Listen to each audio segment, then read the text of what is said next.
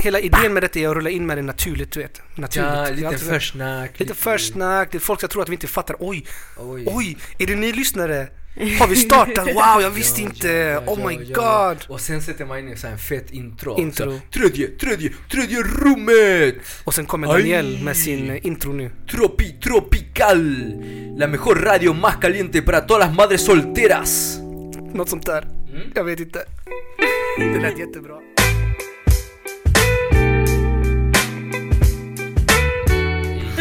Så ladies and gentlemen, välkommen till tredje rummet. Ja, välkomna. Varmt välkomna. Mm. Det är det enda rummet som är fritt från övriga institutioners övervakande ögon och styrande hand. Här kan vi prata fritt om frågor som rör förorten, av förorten till förorten. Japp. Boom. Och innan vi börjar så måste vi dra våra sponsorer väldigt snabbt.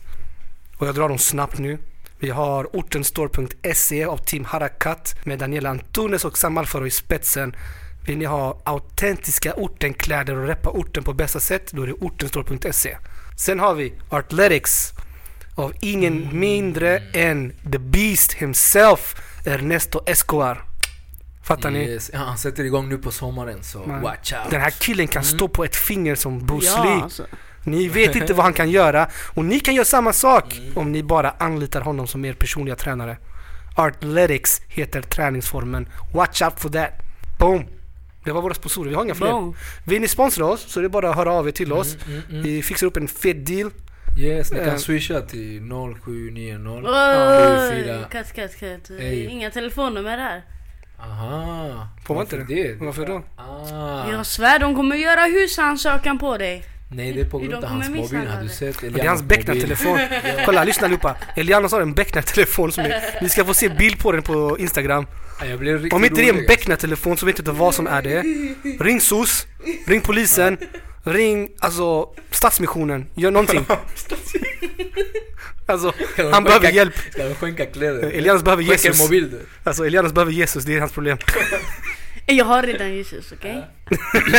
Okej. Det, det är hans ehm, telefon. Ja. Nej vi skojar Ja. bara, Själv, vi skämtar Ja, bara. Det vet ni Vi allihopa skämtar som bara, lyssnar. alla vet redan Ingenting det. vi säger här är på allvar, ni kan aldrig anmäla oss för någonting. Ja. Som sagt, och vi har jurister som backar upp oss, så akta er. Mm, mm. Hon sitter här. Mm, akta er med anmälan, ta tillbaka dem nu. Japp. Men oavsett det, hur har er dag varit? Good, good. Det är tufft, mycket jobb nu. Mycket jobb. Ja, ah, herregud. Mm. Inför Eh, sommaren. Jag var på konsthallen där och kollade på er, det var jätteintressant workshop ni hade. Ja, det var det. Konsthallen. Konsthallen, sa inte det? Gratis, eller? Jag, jag bara går när, jag får cash annars. Ja, det var gratis och Ja. kaffet var gott också. Men eh, det var en... Eh, eventet hette La Favoritextremisterna. La favoritextremisterna heter det. Mm. Det var, det var fett. Det var riktigt det fett. Var, det, var, det var så intressant ja. Det, de pratade ju om eh, extremisering Ah. av Ja. rörelser. Vi- Vilka är extremister idag? Mm. Och det är det, det, är det samma. Det är, de, det är samma personer som var extremister igår också. Eller diskursen anpassas Precis. hela tiden. Och, Men eh, din farsa var en extremist, eller hur? Min, min pappa var ju definitivt en extremist i Chile. Min farsa var terrorist till och med. Ja, Men min pappa var också terrorist faktiskt. Det ska Ja, man ju ja. inte, det ska man säga. Mm. Min pappa var terrorstämplad i Chile av högern. Min pappa har aldrig bärt ett vapen i sitt liv. Det enda han gjorde var att han röstade. Han röstade. Som ett riksdagsval. Han röstade. Men USA kom och bombade landet till helvetet. De tillsatte en diktator som skulle stödja USA. Och han fängslade alla som röstade på vänstern. Och det är så man skapar extremister. Så det var intressant bara för att i Reclaim Pride blev ju extremiststämplade bara för att de hade med Burkasongs 2.0 att göra. Innan det så var inte de extremiststämplade. Och det var ett intressant samtal Mm. om hur man skapar extremister, hur man Ja. formar det. Och det här var ju ett perfekt exempel på någon som inte ens var extremister in the first place. Eller? Mm, mm, mm, mm. Eller har jag uppfattat det fel Daniel? Jag vet faktiskt inte. Du var ju där. Ja, inte just det, inte det. Ja, jag också, men jag kommer inte ihåg. Okej, dem. jag lyssnade på samtalet och det var jätteintressant att Ja. alliansen mellan HBTQ-rörelsen och, hur ska man säga, the Muslim community som kämpar då Mm. mot den här extremiststämplingen och extremiseringen i samhället och diskrimineringen och rasismen. Mm. Att den här alliansen har blivit stark och att typ Ann-Sofie Hermanssons krav på att Reclaim Pride skulle ge sig på de här Mm. tjejerna Och att det inte heller gav Mm. effekt som de ville ha. Mm. Det var jätteintressant. Ja, jag också hörde att staden eh, drogs, eh, de, de, de slutade stödja antirasistisk HIV-prevention bland annat på grund av deras kopplingar. For reals. Ja, just. Så, Så det, de- var, det var extremt auktoritär Låt mig tolka eh, detta fritt nu. Ja. De bryr sig inte ens om folk får HIV på grund av att de inte drar in sitt stöd. Så länge man inte har att göra med de här två tjejerna de vill Det ge sig på. ja, jag tror det var något sånt. Men det var någon God form av här, inte. symbolpolitik eller punktmarkering. Men vi får undersöka det och återkomma. I alla fall, det är så makten fungerar. Det skapar alltid extremister. Mm. Eh, Och extremister är oftast de som, är, som inte är funktionella för makten, eller som ifrågasätter makten Precis. i många bemärkelser.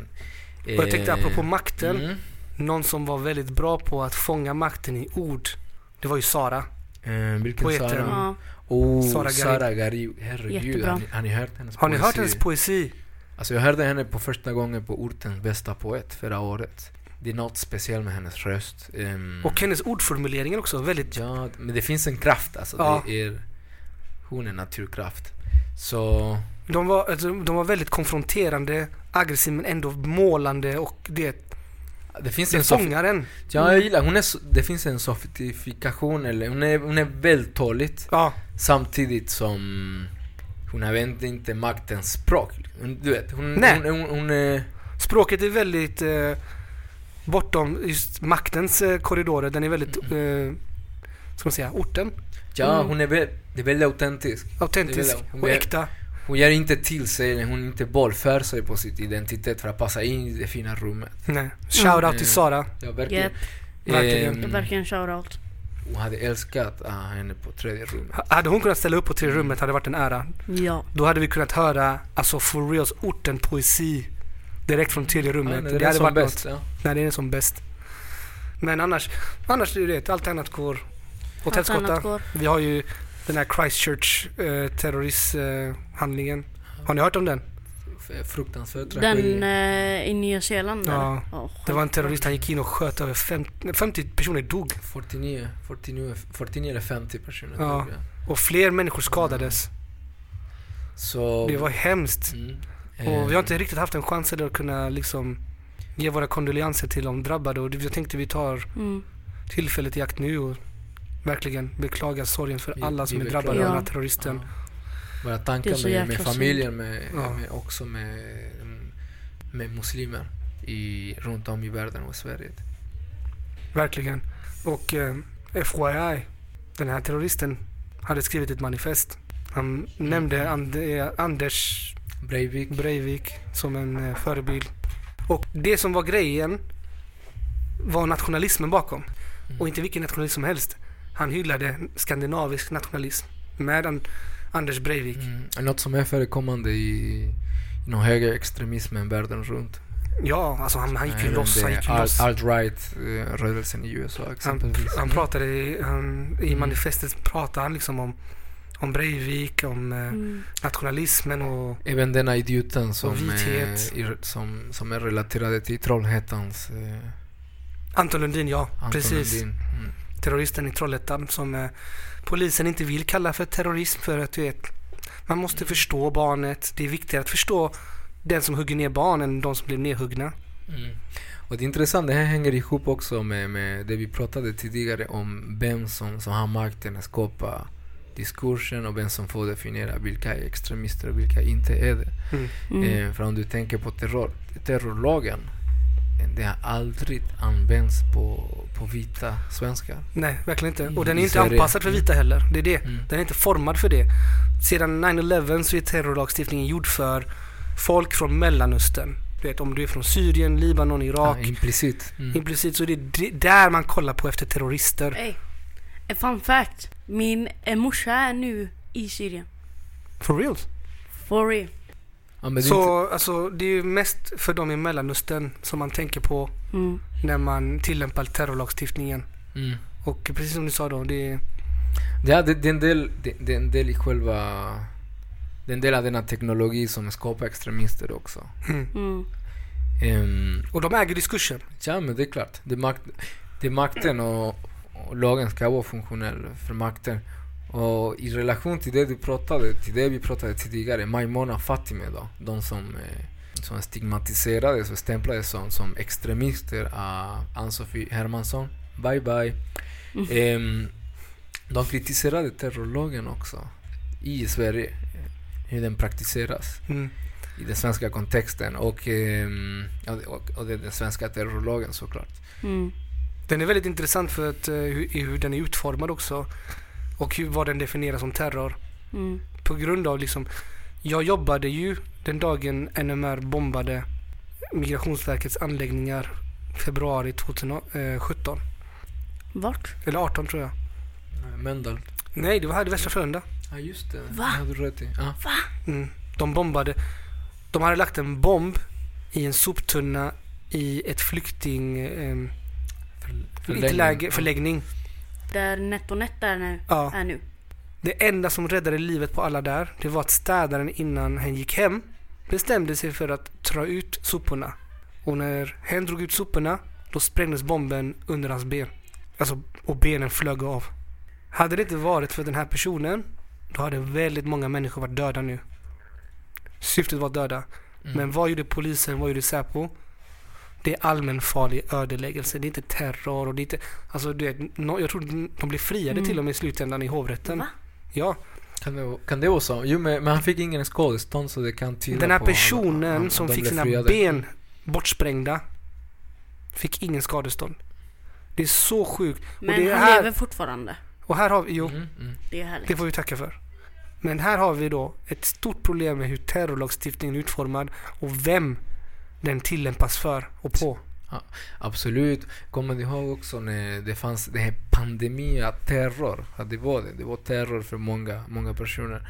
Eh, när man brände ner asylboende i landet. Mm. Det var väldigt många som var... Det, det var gigantiska siffror. Över hundra. Kanske Ja, ja, verkligen. Långt över. Vi, vi får googla det. Jag var ganska insatt i frågan förra året men, men sen dess har jag inte läst mer. Det är så makten funkar. Den, Så man, man glömmer, Ja. man glömmer av. Och det var väldigt tyst i media kan, kan vi säga om det. Och det var, visst, det var väldigt många som var okända så här, gärningsman. Men man pratade aldrig om terror heller. Du vet, det var ganska viktigt i relation till hur det rapporterades i medien. Och, och polisen, det kändes inte att, eh, att det fanns någon särskild satsning. Och det fanns då en SD-politiker som tillhörde Sverigedemokraterna som hade publicerat eh, på sin eh, Twitter, Facebook-konto bilder med Mm. adressen. Adressen till alla de här asylboende som var skyddade på grund av det som, som pågick vid den, vid den tiden. Det är sjukt. Men det är ingen som tar ansvar. Nej. och det var väldigt många som var rädda. Och där snackar vi terror. Mm. Alltså folk som levde i fruktan. Och där förövarna försökte påverka lagstiftning och politiska beslut. Mm. Det är definitionen av terror. Mm. Ja, för liksom de som bor på asylboenden har nyligen kommit från ett rent helvete. Och sen så kommer de till ett Ja, de- nytt där de ändå får vila innan de går ut i, i det stora samhället och har egen lägenhet. Och det är inte ens då får de vila. Nej. Och detsamma gäller oss. Vi får inte ens vila. Så fort vi öppnar munnen så blir vi eh, extremiststämplade. Japp. Vi ska vara tysta, vi ska vara i förorten. Gärna ska vi bara hålla oss lugna och sitta lugnt i båten trots, trots Mm. diskriminering, trots segregation, trots marginalisering, trots eh, sämre villkor. Alltså trots allt så ska vi ändå hålla oss lugna. Mm. Status quo. Status quo man. Det är Ja, det. det är som man är, ja, du är välkommen så länge du är på din plats och du vet din plats. Ja. Och det var våra föräldrar, eller min... Okej, jag migrerade här när jag var 20 med, med min pappa och min mamma bodde här också på, i slutet av 70-talet, en del av 80-talet. Mm. Sen de flyttade till Mozambique, sen till, till Argentina igen. Och eh, ja, på den tiden, de, de var diskriminerade, men de, inte ens de visste om det. För att det fanns det här eh, illusionen om integration och det var den diskursen som finns fortfarande idag. Du vet. Mm. Och det var assimilering och det var det som var problemet. Ja? Du ska assimilera dig. Glöm ditt språk, glöm din historia, glöm din bakgrund. Så får du bli en av oss. Men du kommer aldrig riktigt vara det ändå. Det är vad de försöker säga. Mm. Och vad hände 30 år efter integrationssnacket? Eh, du vet, deras barnbarn de har inte fått särskilt bättre. Och det är inte längre språket och andra barriärer som man, Nej. som man utmålade som ett hinder. Så Mannen, min någonting- son, ja. min son, när han var ett år. Född i Sverige. Jag är född i Sverige. Min son är född i Sverige. Han blir kallad för jävla svartskalle. Va? Ja, av en, av en äldre man. Och det spelar ingen roll om du, hur länge du har bott här, om du ens är född här, om det, Ja. dina barn är födda här. Det följer efter. Och det, det här gör med kroppen, det här gör med, med föreställningar och identitet och kultur och annat. Okej. Men det, men det är intressant för det finns sådana som uttrycker sig väldigt explicit som det fallet som du, du pratar om i relation till din son. Men det är inte det värsta. Det, det värsta är just det att det är så normaliserat att det, det är så vi förstår omvärlden, som vi förstår oss själva, som vi förstår andra. Det finns den svenska blicken. Jag pratar Mm. om den för att vi, vi är Och den präglar oss alla. i den svenska Jag har ett budskap Absolut, till ja. er i orten som lyssnar på det här avsnittet. Låt er aldrig definieras Mm. av den svenska blicken. Mm. Låt er inte heller fastna i det utanförskap som är ålagt er. Det innebär att de vill få er att tro att er lott i livet är att vara kvar i förorten. Och ni ska bråka mellan varandra, ni ska köra krabbmentaliteten, dra ner varandra i skiten och antagligen misslyckas. Och det är det som är den största planen i det här stora segregationsmaskineriet som vi kallar i Sverige. Gå inte på det. Ta en lång titt på er själva, definiera er själva. Inte utifrån blickarna ni får. Det betyder inte ett skit. Mm. Det gör det inte. Yes, men för det, man måste ändå kunna konstruera den blicken och förstå vad den... den Förstå era fiender. Och för det kommer, vi kommer hjälpa er helt enkelt med det. Vi Ja. hjälper er navigera Ja, kring var, detta. Varje podd kommer Ja. vi ta upp eh, frågor som är relaterade till, till den här stora frågan. Och sen Antirasistisk akademin, fantastisk mastodontarbete som Mm. bland annat Adrian Grock Lopo med flera andra har, jag, har eh, genomfört Men under Daniel- många år. Mm. Vart kan man hitta dem? De finns på Youtube. Liksom, gå in och googla eller skriv i sökaren Antirasistisk akademin och kommer du hitta eh, runt 14-12 eh, många eh, föreläsningar, samtal, konversationer som Adrian Groklopo som är, han är professor i institutionen för socialt arbete i Göteborgs universitet men också medgrundare till det här, till det här nätverket eller, eller tankesmedja eller vad det är. Så han samtalar med olika forskare och aktivister. Varje avsnitt är- ett särskilt ämne som de behandlar eh, Typ. på, på djupet. Intersektionalitet, Det- segregation, eh, Vithet vit exceptionalism. Okej, men då förstår jag. Och eh, apropå det, apropå det och blickarna. Mm. Alltså har ni sett den skiten Leila eh, Ali har fått? Ja, men, Oh, och jag tänkte... Jag, ah, vad bra du tog upp den där. För jag tänkte just den där, du- vi pratade om den här kravmentalitet. Krabbmentaliteten drar ner. Exakt, och det är precis det de vill vi ska göra. Så här på tredje rummet. Vi är här för att lyfta upp dig som lyssnar på oss. Vi ska lyfta upp Varenda varandra. lyssnare. Det handlar om solidaritet. Ja, vi måste visa solidaritet. Vi måste namedroppa varandra. Vi måste, vi måste ge rum till varandra. En sak ni måste Mm. förstå också. Eh, vi här i rummet men också ni lyssnare. Att solidaritet är en valuta i sig. Och, den, och det är ett kapital vi har och den kan vi alltid ge bort och vi kommer alltid, inte personligen men som grupp få tillbaka. För vi, när vi lyfter varandra så lyfter vi oss själva, vi lyfter oss som grupp och vi lyfter våra föräldrar, våra systrar, våra bröder. Allt lyfts och blir bättre när vi lyfter varandra. Ingenting blir bättre när vi drar ner varandra. Det, det är en idé, det är en ideologi. Tänk på det. Alltså låt det marinera hos er. För att när ni inser det och värdet av det så är det ett kapital.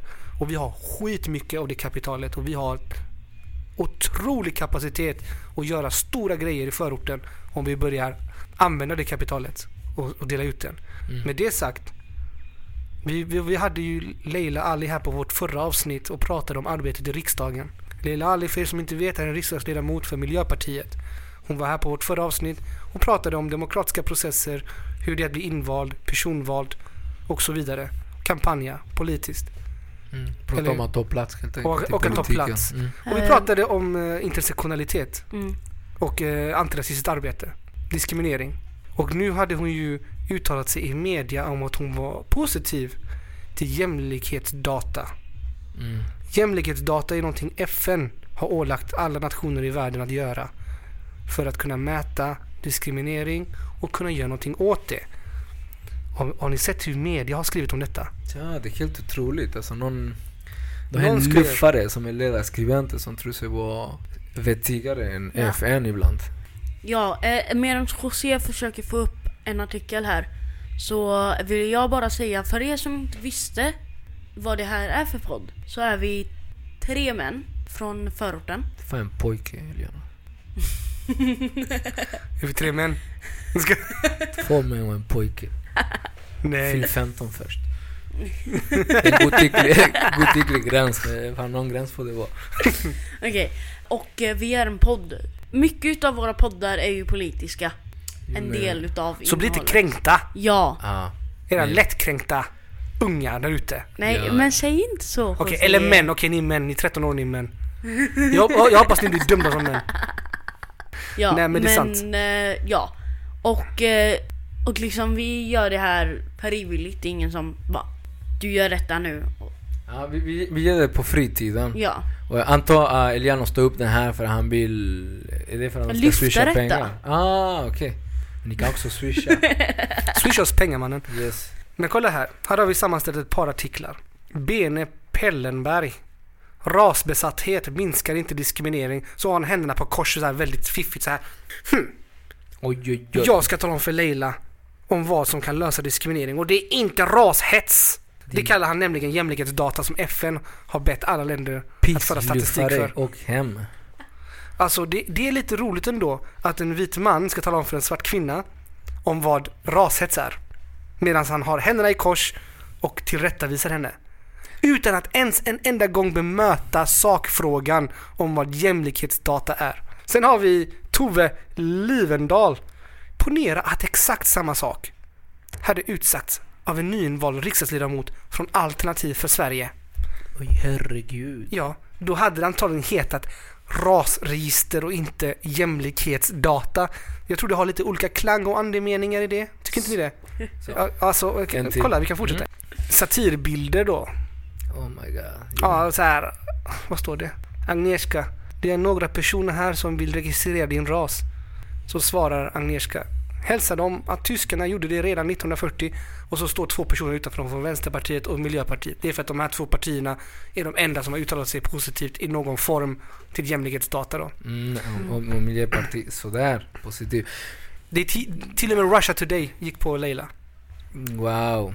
Och, och, då, och då benämner de ju henne precis så här. Swedens first hijab wearing MP grilled for proposing race-based nationwide register. Inte ens de som är en prestigefylld stor mediekanal, alltså prestigefylld Mm. menar jag då att de är stora. Det är, inte, Mm. det är inte en skittidning som GP. De, de gjorde sig inte ens besväret att åtminstone säga vad jämlikhetsdata är. Det är FN. FN, Förenta Nationerna, som skapades efter andra världskriget, som har sagt ni borde samla in data på folks religioner, ras, eh, sexuella läggning, kön, ålder, alla diskrimineringsgrunderna för att Mm. ta reda på vem som diskrimineras och sen ska ni ta bort den diskrimineringen. Det handlar inte om att registrera ens, det är inte folk som står och tittar på det och skriver Ja. ja, svarthårig. Utan det är någonting du själv anger vid enkätundersökningar. Det kommer komma hem ett brev till dig, säger hej, vi står och studerar diskriminering, vill du vara med? Om du vill vara med, svara på de här frågorna och identifiera dig själv. Det är så det sker. Frivilligt och det är anonymt. Men det, sånt här är inte intressant för media. Så vad är grejen? Varför ger de sig på Leila? Om inte annat för att hon är muslim. Ja. Om inte Mm. annat för att hon är kvinna och inte, inte annat för att hon är svart. Det är antagligen de anledningarna som du nyss sa liksom. Okej, och sen det finns en annan pucko som heter eh, Ian Fernheden. Pissluffare. Ehm, God damn it. ja, han är, han är, Exakt. eh, men han är skriven för eh, en, en podd som heter, inte en podd, en, en blogg som heter Oberoende Förnuft. Och loggan ser ut som Santiolagarna ungefär. Ehm, Hur, hur oberoende är han? Alltså, lyssna på det han skriver. Jämlikhet kan enklast översättas till equality of opportunity. Där ett bra exempel är en adelsman och en vanlig medborgare ska lyda under samma lagar. Fast det där är inte opportunity då. Det där är legal rights. Lika right. Nej men vi, till, tillbaka. Det faktum att jämlikhet bygger på att vi inte är offergrupper utan att vi alla har samma chanser. Och det gör att det blir djupt cyniskt att kalla detta för jämlikhetsdata eftersom den här sortens data tar strid mot hela idén. Vilken idé? För det första, han hoppar mellan legal rights och opportunity hela tiden. Att säga att det är samma, att vi har samma chanser genom att hänvisa till lagen, det är inte kompatibelt. Antingen har vi samma rättigheter eller samma möjligheter. Det kan vara två olika frågor, de är inte motsäger varandra. Men kalla inte, kalla inte laglig diskriminering, säg inte att apartheid handlar om opportunities, det handlar ju om om straff. Det handlar Mm. om att bli bestraffad på grund av hur man ser ut. Ja, men, och hela faktum, vi ska liksom summera den, den här tragiska bloggen. Är liksom hans slutsats att vi människor måste sluta på, på och se oss själva som offer. Och det, den tendensen är genomgående oavsett vänster eller höger att du vet, sluta se oss som offer. Att det här jämlikhetsdatabas handlar om det. Jag tänker man kan Det göra en komparativ eh. Mm. argumentation här. Ska man säga det till kvinnor också?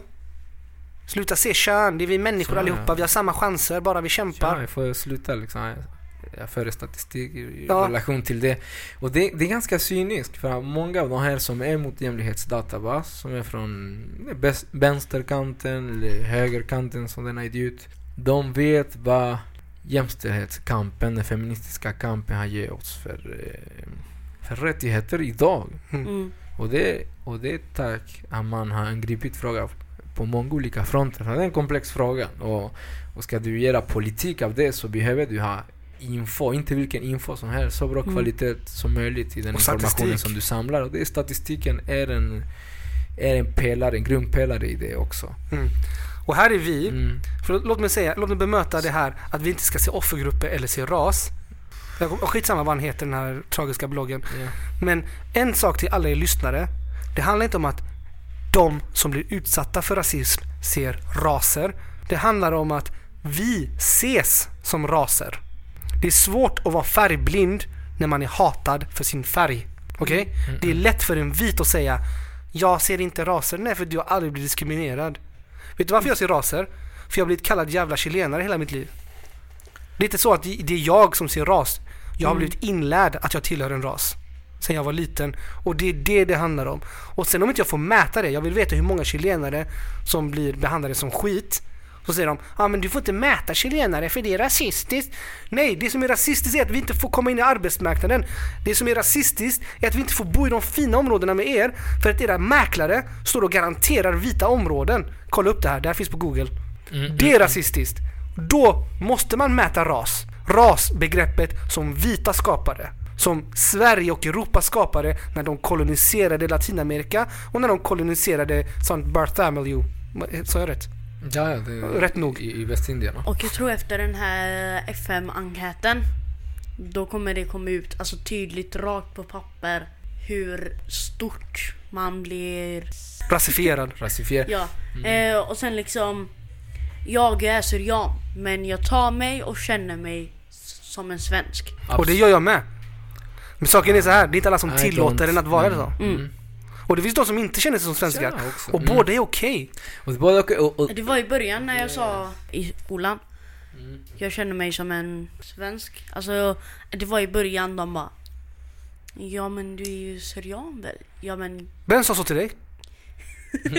Jo men man, Ge mig namn och personnummer. Nej det är inte det jag menar. Jag menar, för det är viktig information.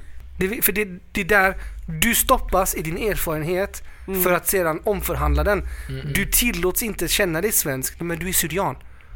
Vad, vad är det du svarar då? Vad ska man säga? Nej, och det är intressant för att det, det har att göra med själva konceptet av, av nation i Sverige som är inte, det är så kopplat till, till etnicitet.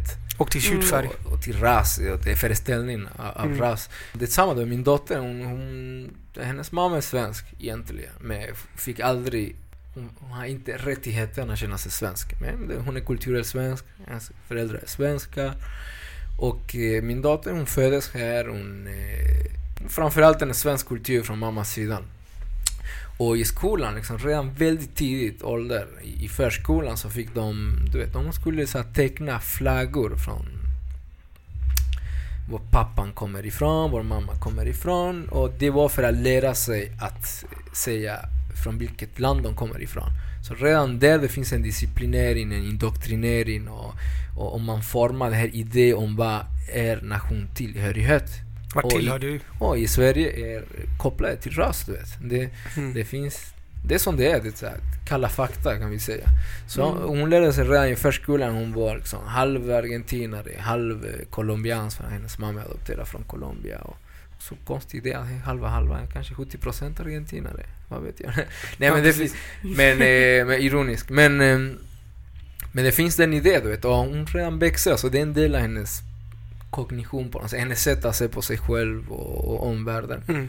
Och eh, där någon gång, du vet, under tonårstiden, jag tror många av de personerna som, är som rasifieras i Sverige tvingas att gå igenom någon form av identitetskris som är positiv ändå, för att de kommer behöva utveckla Mm. strategier, kanske hitta ett alternativ identitet. Så, så, du är va? Men den är väldigt och, och den är bättre, den är bättre för Jo, men låt mig tillägga, den kan den du är skapa smärtsam. själv. Och den är smärtsam, ja. Den är smärtsam. Jag har gått igenom den krisen. Alltså det är smärtsamt. När man inser att man inte kommer få bli svensk och man gör revolt, det är då man går i de här ungdomsgängen i, i förorten sen. Det är för att man, det var man, ditt sätt att copa. det var mitt sätt att copa på det för att Mm. man avsade sig svenskheten för att man var ändå inte välkommen i den så man skapar en egen, Mm. en egen grupp, en egen identitet. Och, och det, fuck Sverige och allt det där man tänkte på då. Och, och det var en smärtsam process. Och det var smärtsamt att ta sig ut. Det är inte alla som kan ta sig ut det där sen. Sen blir man ju, fan, vissa av dem gick ju ut och blev regelrätt kriminella till slut för att man blir så destruktiv. Mm. Och för att bara avrunda, eh, för att koppla tillbaka detta till Leila-grejen. Mm. Alltså, de kraven som sätts på henne att tala det vita språk. För det, angår inte vita. Det, vita Mm. kommer inte drabbas av jämlikhetsdata. Nej, och precis, och det som, om vi går tillbaka till det du pratade om, Elianos, ja, visst man kan känna sig som en syrian, som en svensk, men när du, när du registrerar den här typen av kategor, kategoriseringar som är frivilliga, dessutom anonyma, du också måste vara informerad till, i vilket syfte, och syftet är för att se om, personer som ser ut på ett visst sätt, eller identifierar, rasifieras på ett visst sätt, eller på ett annat, behandlas på ett visst sätt, eller Ja, eller, eller, eller inte. Liksom. Det handlar om att ta reda på. Så kanske, du vet, jag ser ut som... Kanske du ser ut som en Karekulo. karekulo. Nej men kanske du ser ut som en, I don't know, som en arab, men du känner dig svensk, men du vet i den här... Kete så anger man det. Ar- du kan skriva Hur arab ser för du ut? Jag ser ut som en arab. Ja, ja, punkt. Hur känner du dig? Svensk. Svensk. Alltså det, det är för att bredda eh, diskussionen. Ras är inte det enda som finns med i jämlikhetsdata. Det är inte Mm. alls. Det finns, det Nej, finns fun- flera. Funktionsvariationer exempelvis. Är du funktionsvarierad? Eh, vilken ålder har du? Vilket kön? Vilken religion? Mm. Eh, vilken bakgrund? Vilken hudfärg? Det finns flera frågor för att kunna mäta och kunna på ett rättvist sätt återspegla hur diskriminering ser ut Mm, för vilka grupper. Mm. Är du svart? Är du vit? Är du röd? Alltså det är helt olika. Och det, och det får man svara på. Mm. Mm. Och väldigt enkelt, vet, i kommunerna, i alla fall i Göteborgs stad, löneredovisning och kartläggningen är binärt. Det är män och kvinnor. De kanske registrerar och kategoriserar på andra sätt, men det som kommer till medarbetare är en analys utifrån kön. Och det påverkar lönepolitiken. Det- påverkar för att vi kan se om det finns oskäliga löneskillnader mellan män och kvinnor och det kommer att påverka lönepolitiken någon behöver, om man behöver åtgärda någonting Mm. om du behöver kompensera för någonting. Men i, i dagsläget, vi, vi vet inte om det, du vet, eller vi vet, men vi kan inte, vi kan inte bevisa det. Vi vet att personer med oftast med utländsk bakgrund som rasifieras har sämre ingångslön, har sämre löneutveckling, har sämre lön än svenska kvinnor exempelvis. Du vet, men det finns det här systematisk vägran till att Mm. till att använda sig, pröva fram åtminstone nya strategier för en mer jämlik politik eh, står i vägen. Det är ett jättestort hinder. Och eh, goddammit, alltså det är fucked up. Vi vet, vi lever i ett land som är rassegregerat. Kolla bostadsmarknaden, det är rena apa- apartheid. Vet. Vi har en eh, bostadsapartheid faktiskt. Ja. Och vi vet också att vissa jobb, enkla jobb, är reserverade för svenskar. Säg butikbiträde, telefonsäljare. Mm. många. Så det, det är klart Mm. finns personer med utländsk bakgrund som jobbar i dessa, i dessa yrken. Men det har tagit generationer för dem att komma in och de har kämpat väldigt hårt. Och vi pratar om relativt enkla jobb. Så även där, liksom, i arbetsmarknaden, har vi också en, en apartheid på något sätt. Där de fysiska, tunga, enkla Ja. jobb går till personer som är rasifierade som kommer från den afrikanska kontinenten, från Latinamerika eller från Mellanöstern. Och de sköna, enkla jobb går till vita svenskar. Och det är ett faktum. Så snälla landet, nationen, testa det fram, pröva fram det. Sverige, Mm. allt jag vill säga är öppna din dörr Och säg att du vill ha mig här. Låt mig ta era jobb. Och era villor vid Askim. det, hey, for real då. Sluta diskriminera helt. Det, det är så ute. Ja. Det, det är så töntigt.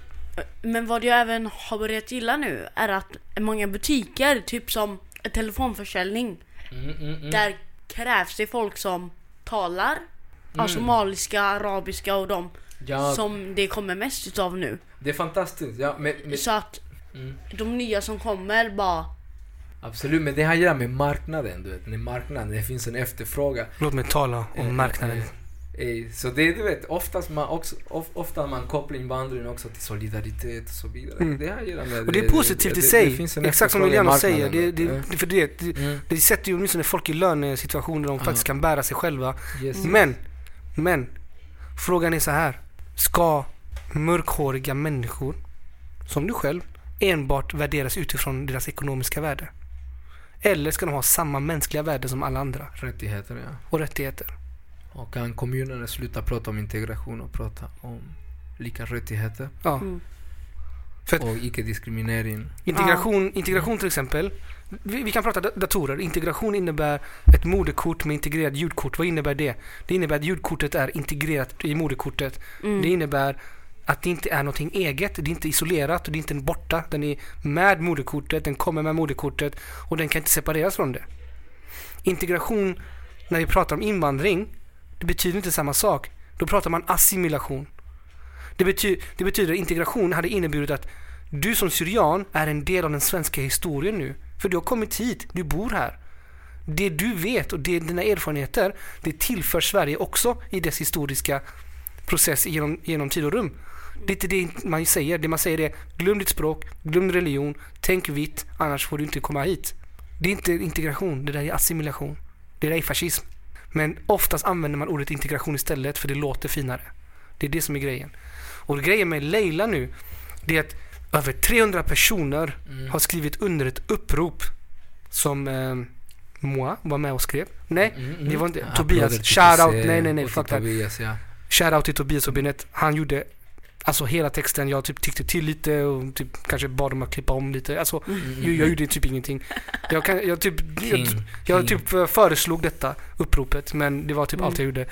Alltså Tobias och Binet, shoutout. Shout King. Det, det, Shoutout, shoutout, Det är nice, det är nice. Det är nice ändå. Ja. För att vi fick ihop 300 signaturer plus, alltså mer. Och det här var från alla yrkesgrupper, Fanns- alla demografiska det grupper, alla geografiska. där. Mm. Det var en bred, bred grupp Mm. Som backade Leila där. Och, och vi pratade om två dagar, hade ni gjort en Facebook-event, kanske gjort en kampanj under en månad. Vi, hade haft tusentals signaturer. Verkligen. Kom ihåg också José för länge sedan vi pratade och tog initiativ till den här koalitionen med Fight racism now va? Yes, no, nej men vi blev inspirerade och fick hjälp med Ma- Michael Ekbrandt Ja, för att skriva erkänna rasismen. Yes, det, och det blev en, en dialog eh, som, som publicerades med, med Alice Bakunke, före detta demokrati och kulturdemokratiminister då. Det jag vill säga med detta är att José är eh, riktigt, jag gillar, jag gillar den andan, det att ta initiativ du vet. Det, Mm. det är vad det handlar. Det finns så jävla många Instagram, eh, Instagram-aktivister, mens eh, aktivister, eh, eh, Facebook-feminister och så vidare som, som är väldigt...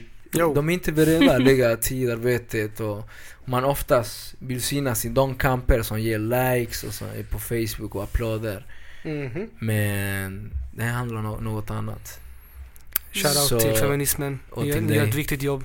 Eh, men ej, Men, men ni vet vilka jag pratar om. Men en sak, en sak. Ni Ni backade inte. Leila här.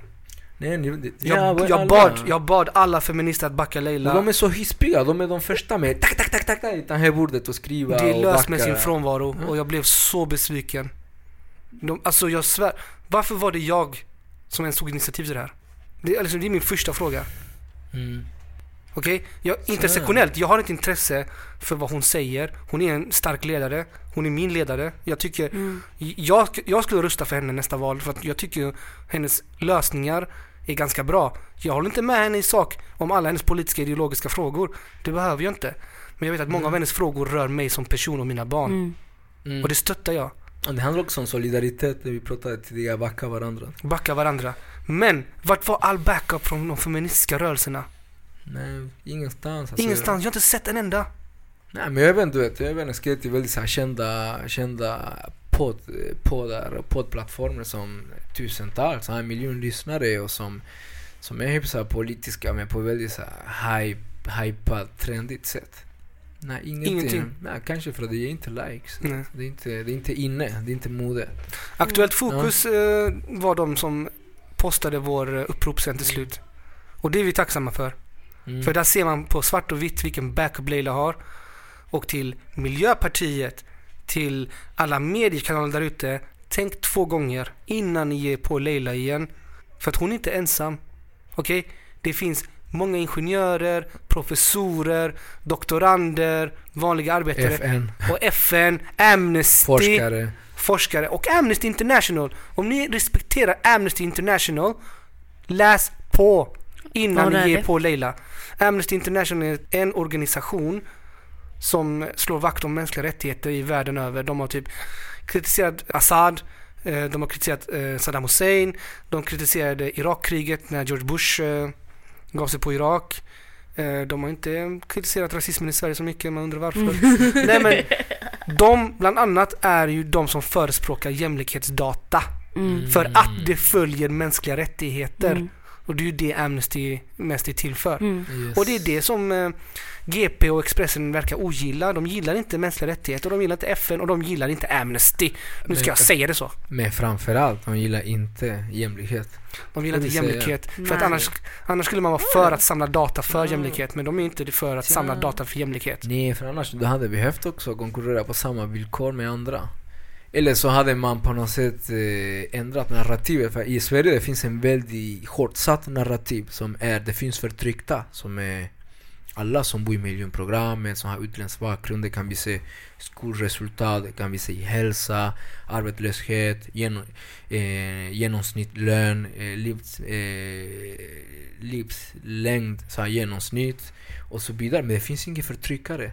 Du vet, även när du läser rapporter för Göte- Jämliks Göteborg, det finns inga förtryckare. Du alltid, Mm. allt, allt är och förklaras med, med materiella skillnader. Mm. Men, men de finns där på automatik. Du vet. Och det finns förtryckta för att det är självklart när du ser statistiken. Det är en sån... Det är så tydliga mönster. Du och alla miljonprogram i Göteborg, i Malmö, i Stockholm. Det är därför vi pratar om att det är ett strukturellt problem. Det är inte slump när du har nästan som en blueprint. Det, det är exakt samma siffror. Det är helt sjukt. Det är exakt samma siffror nästan. Mm. Du vet, som är, det, det handlar om en samhälle som är politisk Mm. modell. Du vet, och det är det de inte vill förändra. Det är därför man vill inte prata om rasismen överhuvudtaget. Och det, det här följer från 2015, alltså när vi snackade om erkänd rasismen. Sverige har ett unikt problem. De har aldrig erkänt rasismen. Och det drabbar inte bara oss som har kommit nu. Alltså samerna har varit här i tusentals år. Mm. Tror du de har rättigheter? De har inga. Mm. De har, inte, de har ett sameting som inte ens riksdagen lyssnar på. Alltså de, Ja, du, real. förstår du? På, på riktigt. Ja, kalla fakta. Typ, de, är, de är förvisade till renskötsel och inget mer. Och det är typ så man, har- man har verkligen Man har verkligen eh, Förminskat dem. förminskat ja, dem Totalt. totalt till någon så här eh, exotisk grupp bara. Mm. Som, man, eh, som man frontar med i världen. Som att kolla vi har en indigenous population. Alltså de, de, Jag Mm. vet inte om de anses som människor i riksdagen. Mm. Och det är sjukt. För att de hade krävt rättigheter mer än någon just nu. Mm. Och de får inte det heller. Mm. Så det här handlar om fler än bara irakier och syrianer och argentinare. Och chilenare, vi, vi är ett högt folk, vi, klarar oss. Men Mm. eh, alla andra stackars folk. Nej, jag skojar bara. För att dansa cueca. Jag dansar cueca. Min cueca säljer väldigt bra, det är därför. Okej. Nej men, ja, men det, gre- grejen det är, det, det är samma där ute liksom. Alla institutioner och du vet, för att bli modet nu, du vet, från postkolonial till dekolonial. För, för att det är applåder i vissa lägen. Ni måste också vara intern med dessa frågor, annars det är... Det, är- det, En det, tankesmedja. Ja, du, annars det är inga kritiska perspektiv, det är simpla dekorationer. En tankesmedja Mm. där Elianos är ordförande. Ja. Eliano, om du snaggar dig och byter mobil alltså. Det, Du får vara med i tankesmedjan. Vi behöver en tankesmedja för Mm. de här frågorna. Jo, det behövs. Jag tror det finns redan och det finns nätverk och så vidare. Men vi behöver liksom artikulera dem tillsammans och göra... Det, behö, det behövs allianser. Det, det, det är tid för allianser. People, vill ni ha en Mm. allians? Vill ni krossa rasismen? Lämna era personliga problem åt sidan, snälla. Mm. Tänk på hype mentality och mindre crab mentality. Det är allt jag säger. Mm. Okej. Ja, men, men, men det handlar om att hitta... Jag förstår det, vi, behöver- vi behöver inte ha konsensus i allt. Nej, nej, nej. Vi behöver inte hålla med i alla sakfrågor. Det är någonting som det här lilla landet lagom har lärt oss. Ja, konsensuskultur. Håll med om allt eller gå skilda vägar. Det är inte så det funkar. Vi är inte sådana. Mm. Mm. Well, vi får se. Hoppas det utmynnar i någonting. Jag hoppas någon som har makten att Ja. kunna göra någonting åt det. Lyssna på det här programmet. Yes. Och men, och Okej. då, är- då är bara grejen José också som irriterar mig. Mm. Det här med, med all skit man har snackat om, om Leila där ute i media. Är, alltså ni behöver inte ens tycka samma sak som Leila. Nej, verkligen inte. Jag gör Mm. inte det. Men du vet, när man lyssnar, när man läser på era trista artiklar, man ser att ni missförstår henne med illvilja. Alltså, Med flit också. med flit, alltså ni missförstår henne. Det finns en agenda. Det Ja. finns en, en djup rasistisk agenda. Och ni bemöter inte henne med sakliga argument. Ni vrider och vänder på hennes ord, ni, ni förstår det. Och ni, plötsligt pratar ni om rasregister eh, och jämför henne med nas, det nationalsocialistiska Tyskland. Alltså förstår ni hur sjukt det låter? Vem betalar er? Vem betalar er? Är det Timbro, Tryggar Är det Timbro? Är det Timbro som betalar er? Det Nej, på Timbro. Timbro är en tankesmedja åt höger som eh, deras mål är typ att göra Sverige mer Ja, privat, mer rasistiskt, mer hemskt. Nej men alltså grejen är, alltså jag hoppas från mitt hjärta att någon betalar er. Och att ni inte är så dumma som ni verkligen utmålar er själva till att vara. Ja, och inte prostituera er så himla billigt. Hoppas de betalar bra dessutom. Ja. Men annars, det, annars måste jag tro att ni är intellektuellt inkapabla. Att ni okapabla till att googla och söka information kring vad jämlikhetsdatabas innebär. Oavsett om ni håller med eller inte med själva idén. Mm. Men för att kunna bemöta och diskutera om samma sak och bemöta det med, med sakliga argument. To wrap this up Vad händer? Vad händer? Vad händer? Vad så händer vill Liana? jag säga att Du ska köpa en ny mobil? Nej, it's not that, okej? Okej, ni i podden kanske har sett våran Instagram. Mm. Kan jag få introducera dig först? Yes, Do it. the random boy. Do it, boy. Så om vi lämnar frågan med Leila i alla fall. Vi lämnar det. Eh, jag har reagerat nog om det. Jag hoppas att media tänker två gånger innan de ger sig på den i alla fall. That, Mm. That's eh, for sure. Men eh, jag vet inte om ni på Instagram, ni som har följt oss på tre rummet har också hört om att vi, vi har en special guest här idag. Mm. Alltså Lil Wayne kan slänga sig mot väggen. Ey. Mannen. För, och en side note, visste ni att Idris Elba rappar? Mhm. For reals. Alltså ni måste se det där, det är helt sjukt. Men Vem? annars, Mm. någon som är bättre än Idris Elba, det är vår ljudtekniker Elianos. Tack så mycket, tack så mycket, tack så mycket. cover. Saken är så här att han förberedde sig för att sjunga i en konsert till Aviciis ära. Ah, det är Ja. Avicii. Det var inte Ni som har följt vår podd vet att, eh, att Aviciis Sorry. död skedde och att det påverkade Elianos väldigt mycket. Ja, så då kan jag här och nu säga att på 1200 kvadrat den 13 april 18.00 så kommer vi ha ett minnesevent för Avicii. Det, det är ett musikcafé och vi kallar det för Tribute. Och vad som är tänkt är att om det finns andra som kanske vill göra något sånt här för kanske typ Elvis eller någon så eh, kan man fortfarande ta den Tribute. Minns någon Elvis? El- Elvis Crespo. Elvis Suavemente. Bésame. Är det? Que quiero sentir tus labios besándome otra vez. Oj! Okej, inte han menar jag. Ja, gitarren. Ah. Förlåt. Den, eh, den stora Elvis liksom. Ja, vadå stora? Vad, vad menar du? Elvis Costello. Eller vem? Okej. Det där var Vilken white privilege. Okej, om vi lämnar eventet, men vi går tillbaka till Avicii. Så tänkte jag ta en vers ifrån hans låt. Kan du ge oss en smakprov på din ljuva röst? Mm. One day you leave this world behind So live a life you will remember My father told me when I was just a child These are the nights that never dies My father told me I've gotta learn how to love without you.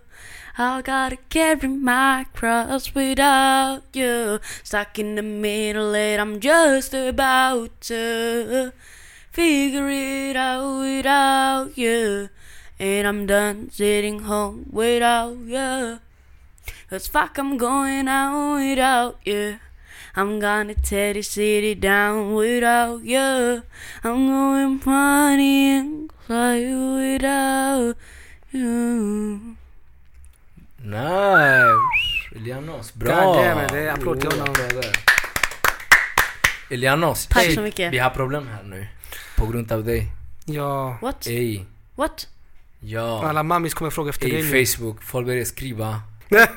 Kollegornas dotter, döttrar där. Oh, De, shit. eh, Jag tror jag fick en uh, skilsmässoansökan från min fru nu. Oh, fan har du gjort Elianos? Elianos, ställ det till alltså. Hur kan du göra så här? Kommer att bli arbetslös här. Ja, shit. Shit. Stå inte och sjung så där och ta min fru ifrån mig. God Ja. damn it. Jävlig vandrare. Ha? Ey, Okej. det var ja. jätte- De är inte Jättefint. två andras fruar, de Tack två så andras döttrar. Alltid så.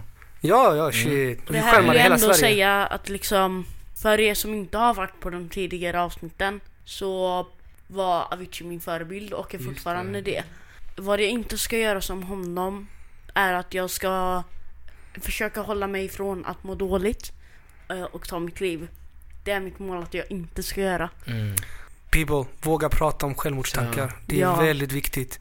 Isolera er det- inte. Det är jätteviktigt. Och ni är inte ensamma. Det, Ni är inte ensamma, ni det är aldrig ensamma med det- sådana det tankar. händer. Det är Mm. jättemånga Det som är Och det, inga pengar i världen kommer skydda er från de tankarna. Ja, Det är, det är Mm, ett stort mm, misstag att tro att om man blir rik, att man kommer bli lycklig.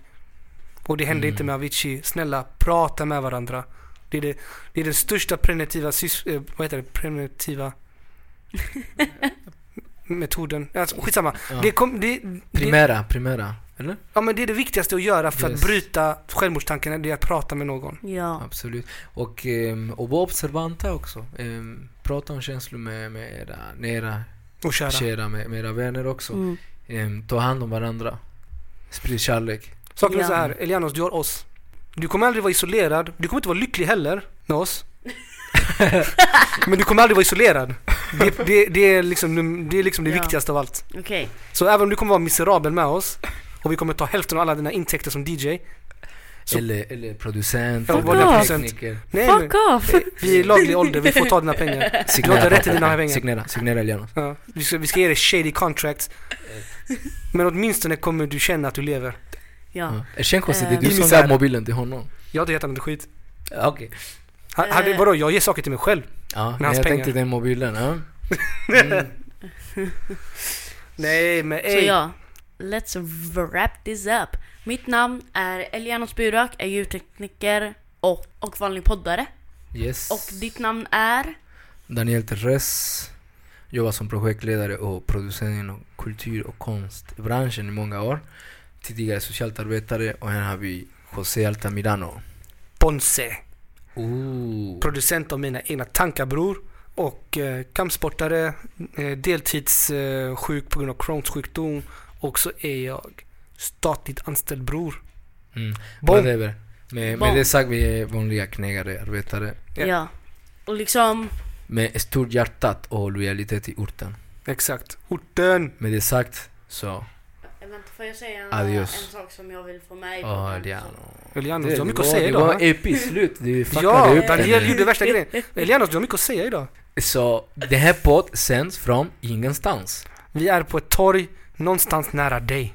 Yes. Ja, vi säger ingenting. Det är faktiskt hemligt. Vi får inte säga det. Och det är synd. Mm. För det här stället vi är på är so fucking amazing. Yes. Det är det. Ja. Det är en mörk källare med en butcher som ger oss lite mat varje dag. Men det är så när man har kopplingar med extremister, det är ingen som vi blir förknippade med dem. Jag vill inte bli att, extremiststämplad. Mm. Det är det, Det är det. Mm. Nej, eh, det är snarare det är de som inte får bli stämplade. Nej, vi har anställda här att ta hänsyn till. Ja. Yes. Ey, Eh, apropå det mannen. Den där grejen som hände där utanför med en polis. Ja, vad hände Jag vet inte. Vart är här idag eller? Det var ju när vi kom in här i salen. Här fanns en Och en polis bara, vad, vad gör ni här då? Ska ni podda eller vad gör ni för podd? Så berättade jag liksom vår podd. Ah, vad vad och så säger han, inte jag då? vara med? Jag är polis du vet. Jag bara, ja men vi kan ju prata om väktare och eh, deras två års Ja, veckors utbildning. Han blev hyperkränkt, jag vet inte vad som hände med honom. Ja. Och sen så stack Är någon han. dömd för brott? Är någon dömd för brott? Det var, Bara, har inte du läst tidningen? Gå och lägg Expressen. Gå hem. Ah, ja. det, var, det var en rolig händelse, side note bara. Japp. Yes. Du kan vara 30 år gammal och jobba för staten och polisen kommer ändå inte gilla dig. Ja. Okej. Tack för att ni har lyssnat. Peace out.